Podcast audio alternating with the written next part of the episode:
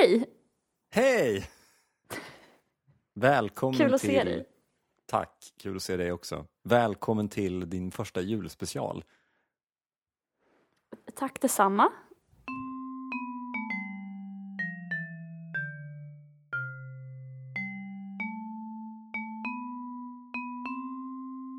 Ska jag berätta om ett killproblem eller ska vi bara gå in på punkterna? Har du ett killproblem? Alltså, Är det ett juligt killproblem?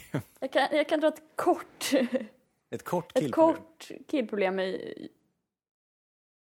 är ju också känd som den elaka killen, min elaka kille. Mm. Och det är ju för att eh, han är elak.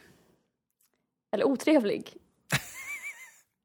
eh, men nu har jag hittat en, eh, alltså inte ett, inte ett lifehack, men Vi går på lifehack. Jag har hittat ett lifehack. Eh, Ett relationshack. Ja. Som är att han är bara otrevlig Mot dig? eh, 23,5 timmar om dygnet. ah. Eller vad blir det? 16 kanske? Ja, skit i det. Han är alltså otrevlig när han sover? till och med, till och med sover på ett otroligt aggressivt sätt. Eh, Utagerande sömn. Eh, nej, så det finns alltså 30 minuter per dag som han inte är otrevlig. Och det är precis innan han ska somna och har tagit benzo. det är helt Perfekt. perfekt. Så jag kan bara prata med honom då 30 minuter om dagen. Eh, det behöver inte ens vara varje dag men när han är bäng.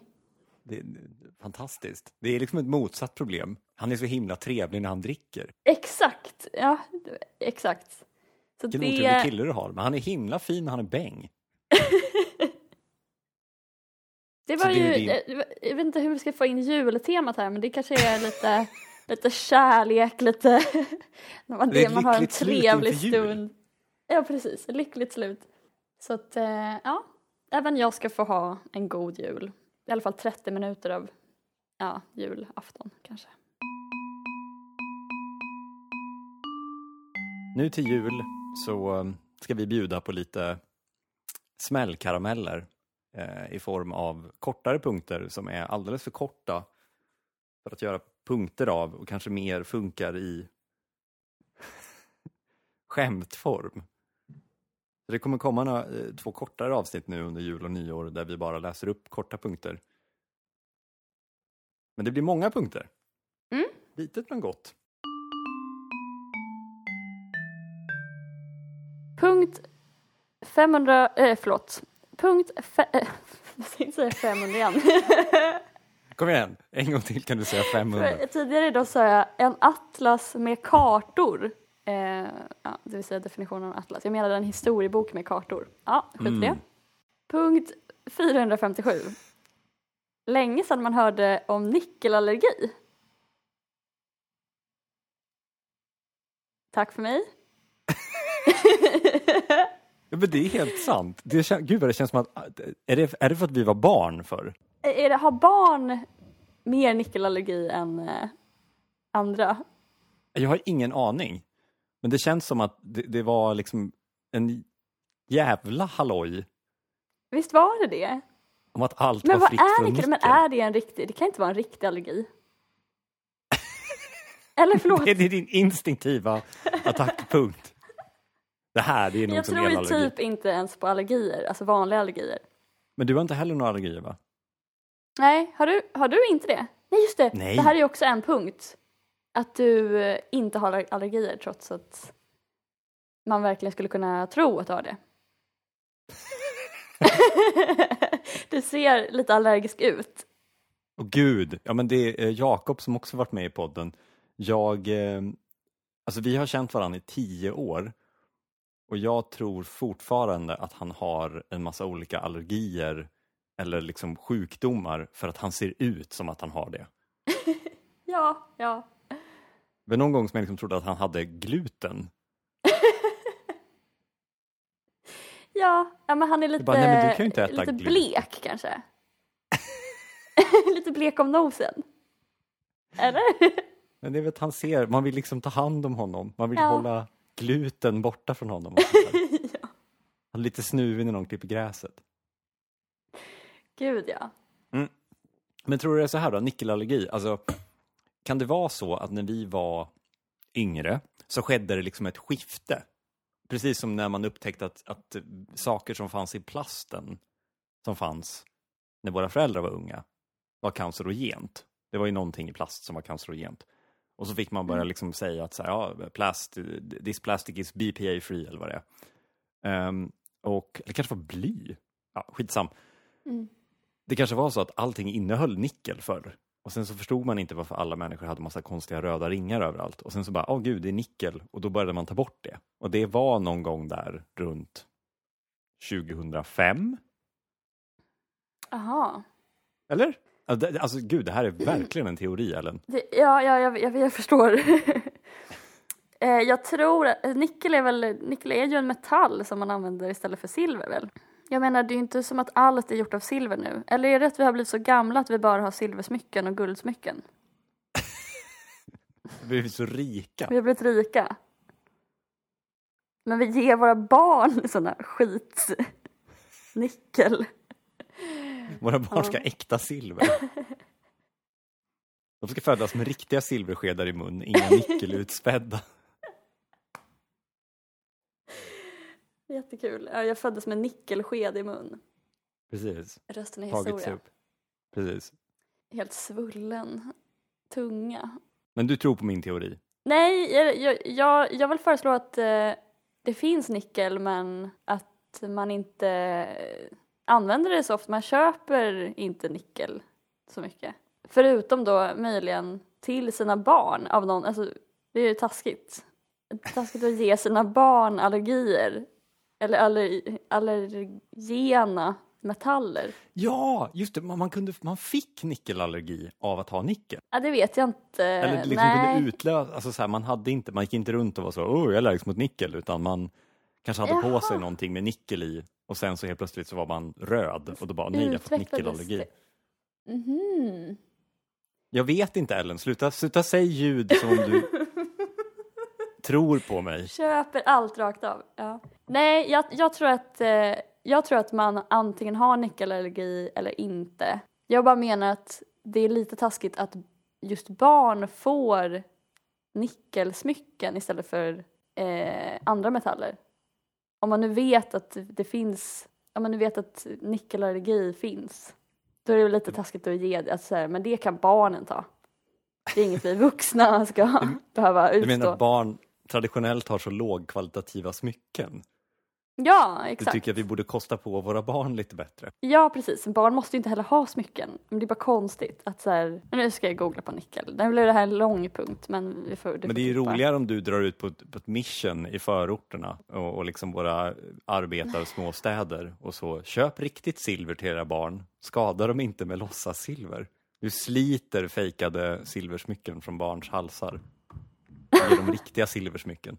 Nej, det är precis som du säger. Har du en gång fått en allergisk reaktion av nickel så är du oftast allergisk hela livet. Men används det fortfarande? 2001 skärptes reglerna för hur mycket nickel som får avges från föremål som har kontakt med huden. Otroligt! Ja, Hur, du, ja. hur kunde du bara...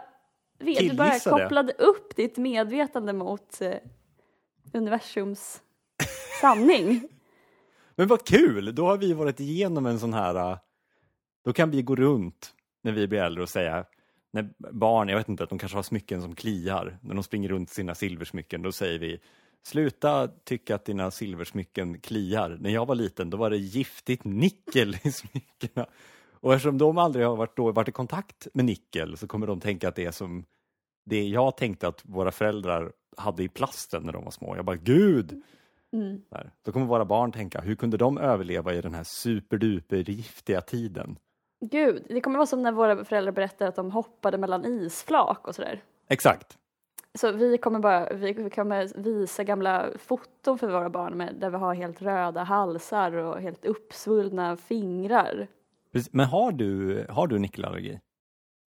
Nej, Kim. Men vet vi att någon av oss inte har nickelallergi? Nej, det vet vi i och för sig inte då sen de här nya reglerna. Men då får vi be Sally göra en notering om att vi inhandlar någonting med jättemycket nickel. Ja. Jag försöker hi- ställa hem något från Darknet. Den svarta marknaden för dåliga smycken. Ja. Något sånt hm smycke från 98. ja. Ursäkta, är det här nickel?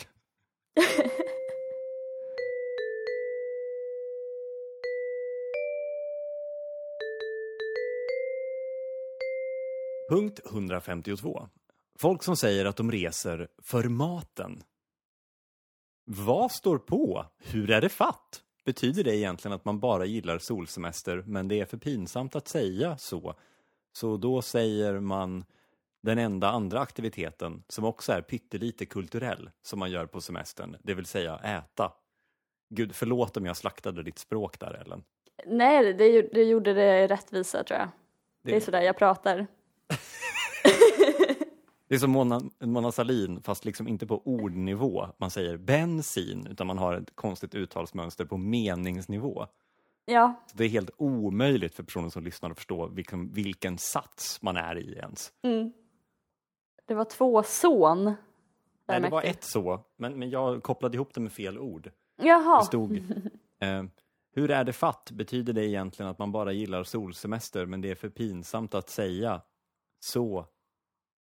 Då säger man den enda andra aktiviteten som också är pyttelite kulturell som man gör på semestern, det vill säga äta. Då har du ändå jobbat med att korreläsa bokmanus. Eh, eh, Förlåt, men det, det är inte jag som har skrivit fel. det var du som läste fel. Hur skulle du läsa upp den här punkten? Nej men du läste rätt nu. Men det, var bara att eh, jag förstod inte först för att det var två Ah, son. okej, okej. Skit i det. Mm. Det här, känner du igen det här? Att folk säger att de reser för maten? Mm. Ja, det, det, enda jag kan säga är hur är det fatt? Det är ingen aktivitet, eller det, det är väl inte, man kan inte re, eh, eller va? Nu får jag en stroke. Men jag tror att jag har gjort mig skyldig till det här för att jag var på en riktig sån, alltså svenne-charter till, till Grekland med alltså en, en Johanna från typ Enskede. Um, alltså det var en toppensemester för att vi hade hamnat i en sån ort med bara pensionärer.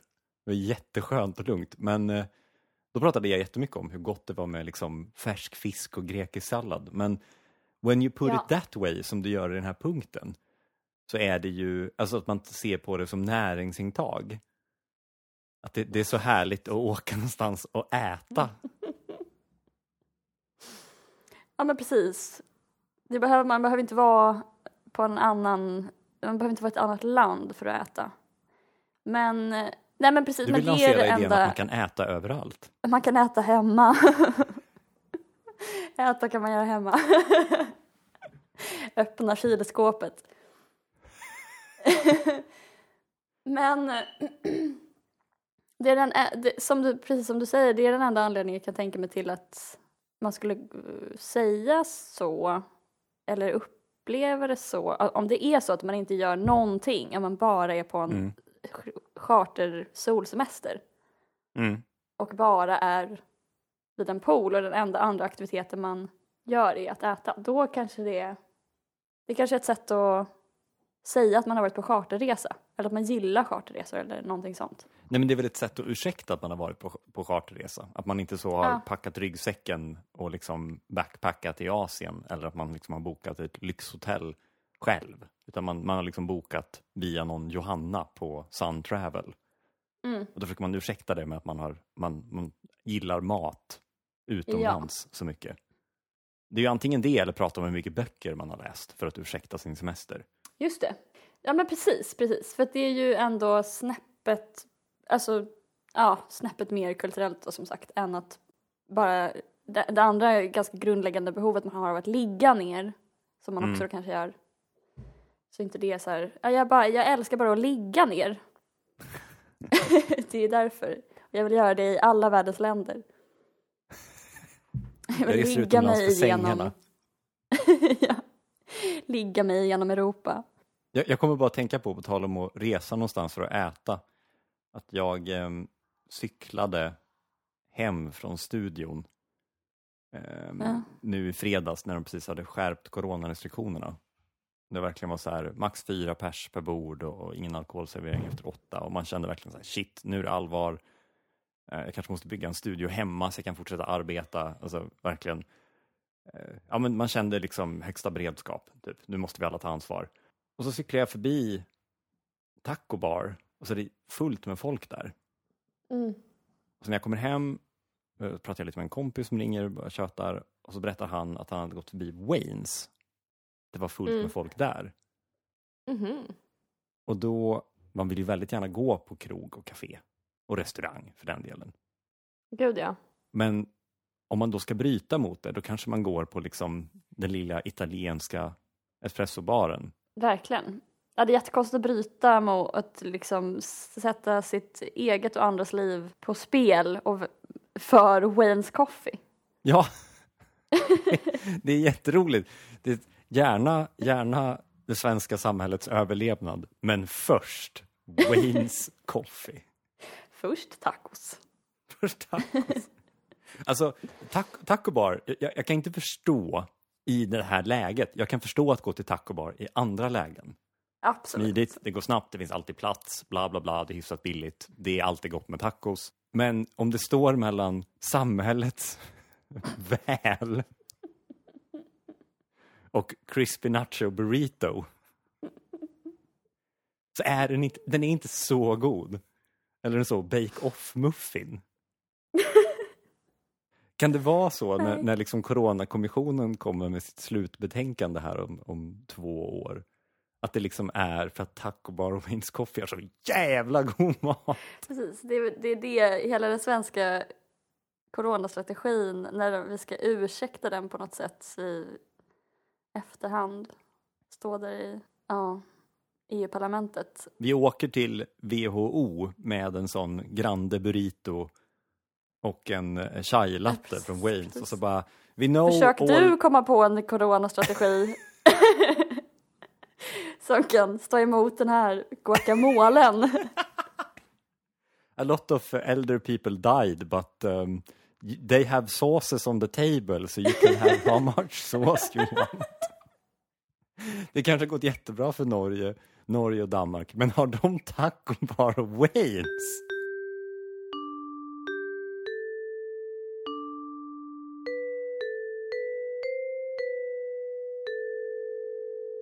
Punkt 481. Hur kan man ha så bråttom att spotta ut snusen att man inte hinner lägga den i en papperskorg? Det, det finns liksom en viss typ av snusare som Mm. Sprider snus omkring sig. Som lämnar, ja, man ser att de har varit där helt enkelt. Att följa snusspåren. Och då är bara min fråga, hur, eh, alltså vad är är det för fatt? situation? hur är det fatt? Ehm, vad, är, vad är det för situation? Alltså när, när måste man liksom spotta ut snusen så akut Mm. att eh, man inte hinner uppsöka en papperskorg? Jag tror att det är en kombination av två faktorer. Mm. Jag tror att den första är att, men jag tror att- att man kanske är en sån som jag som liksom har snusen och liksom håller på med den tills den spricker och liksom massa tobak läcker ut i munnen och man känner att man måste bli av med den. Jaha, håller på med tungan? Eller? Ja, och tänderna och allt möjligt liksom. Jaha, okej. Mm. Tror jag Det kastar ju ett nytt ljus på saken. Gör du inte det? Ligger den bara där? Mm. Gud, tänk att vara så avkopplad. Det är ditt båttutesinne. Helt, eh, Men jag tror, att den, jag tror att den andra anledningen är att folk tror att snus är komposterbart. De bara slänger den Ja. rakt upp och ner för de tänker att det är som jord. Är det inte det? Nej, det är brännbart. Jaha, ser man på. Men det är oavsett, eh, ja, det är lite mycket begärt att ens eh, soffa ska kompostera snusen.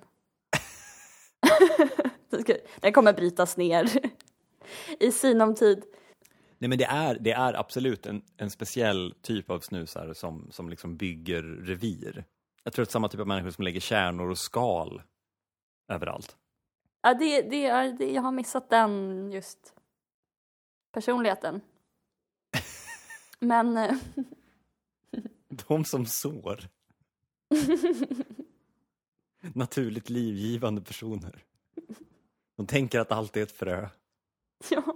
ja men det är ganska vanligt att folk stopp, eh, spottar ut snus i toalettstolen också. Eller i toaletten. Mm. Men det är lite mer, ja, det är lite mer förståeligt kanske. Vi kan gå vidare. Eller? Det, det känns som att det finns en passiv eh, aggressivitet här. spelet. Jag vet inte varför, det låter så himla... är det här en subtweet? Till dina forna män? Precis. Jag vet inte vad det är som, vad som flög i mig. Var, varför jag blev plötsligt hotfull. varför, varför är min näve knuten plötsligt? Du har rivit dig själv på armen utan att förstå varför.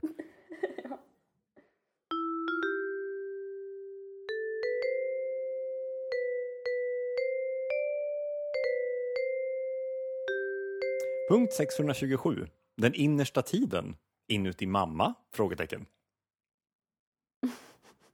Är det här en ordvits Ellen så får du gärna förklara den för mig. Ja, jag vet, det kanske är en ordvits. Var bara, jag tänkte bara på uttrycket den yttersta tiden. Mm. Och det säger man ju om undergången. Mm. Eller hur? Eh, ja, Och vad är det i motsats till?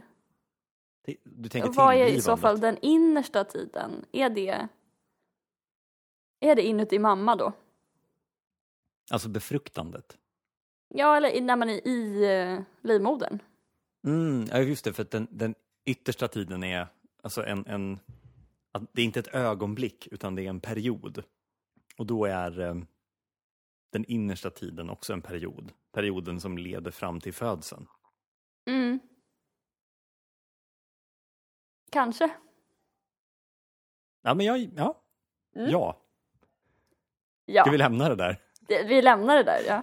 Bra. Då har vi rätt ut det. Eftersom vi glömde spela in ett eh, outro till avsnitt ett så gör jag det här en timme innan podden ska gå ut med hjälp av min dator. Nästa vecka så kommer resten av punkterna som vi spelade in här. Musiken i det här avsnittet har spelats av mig för jag vet inte hur man importerar musik i det här klippprogrammet. God jul!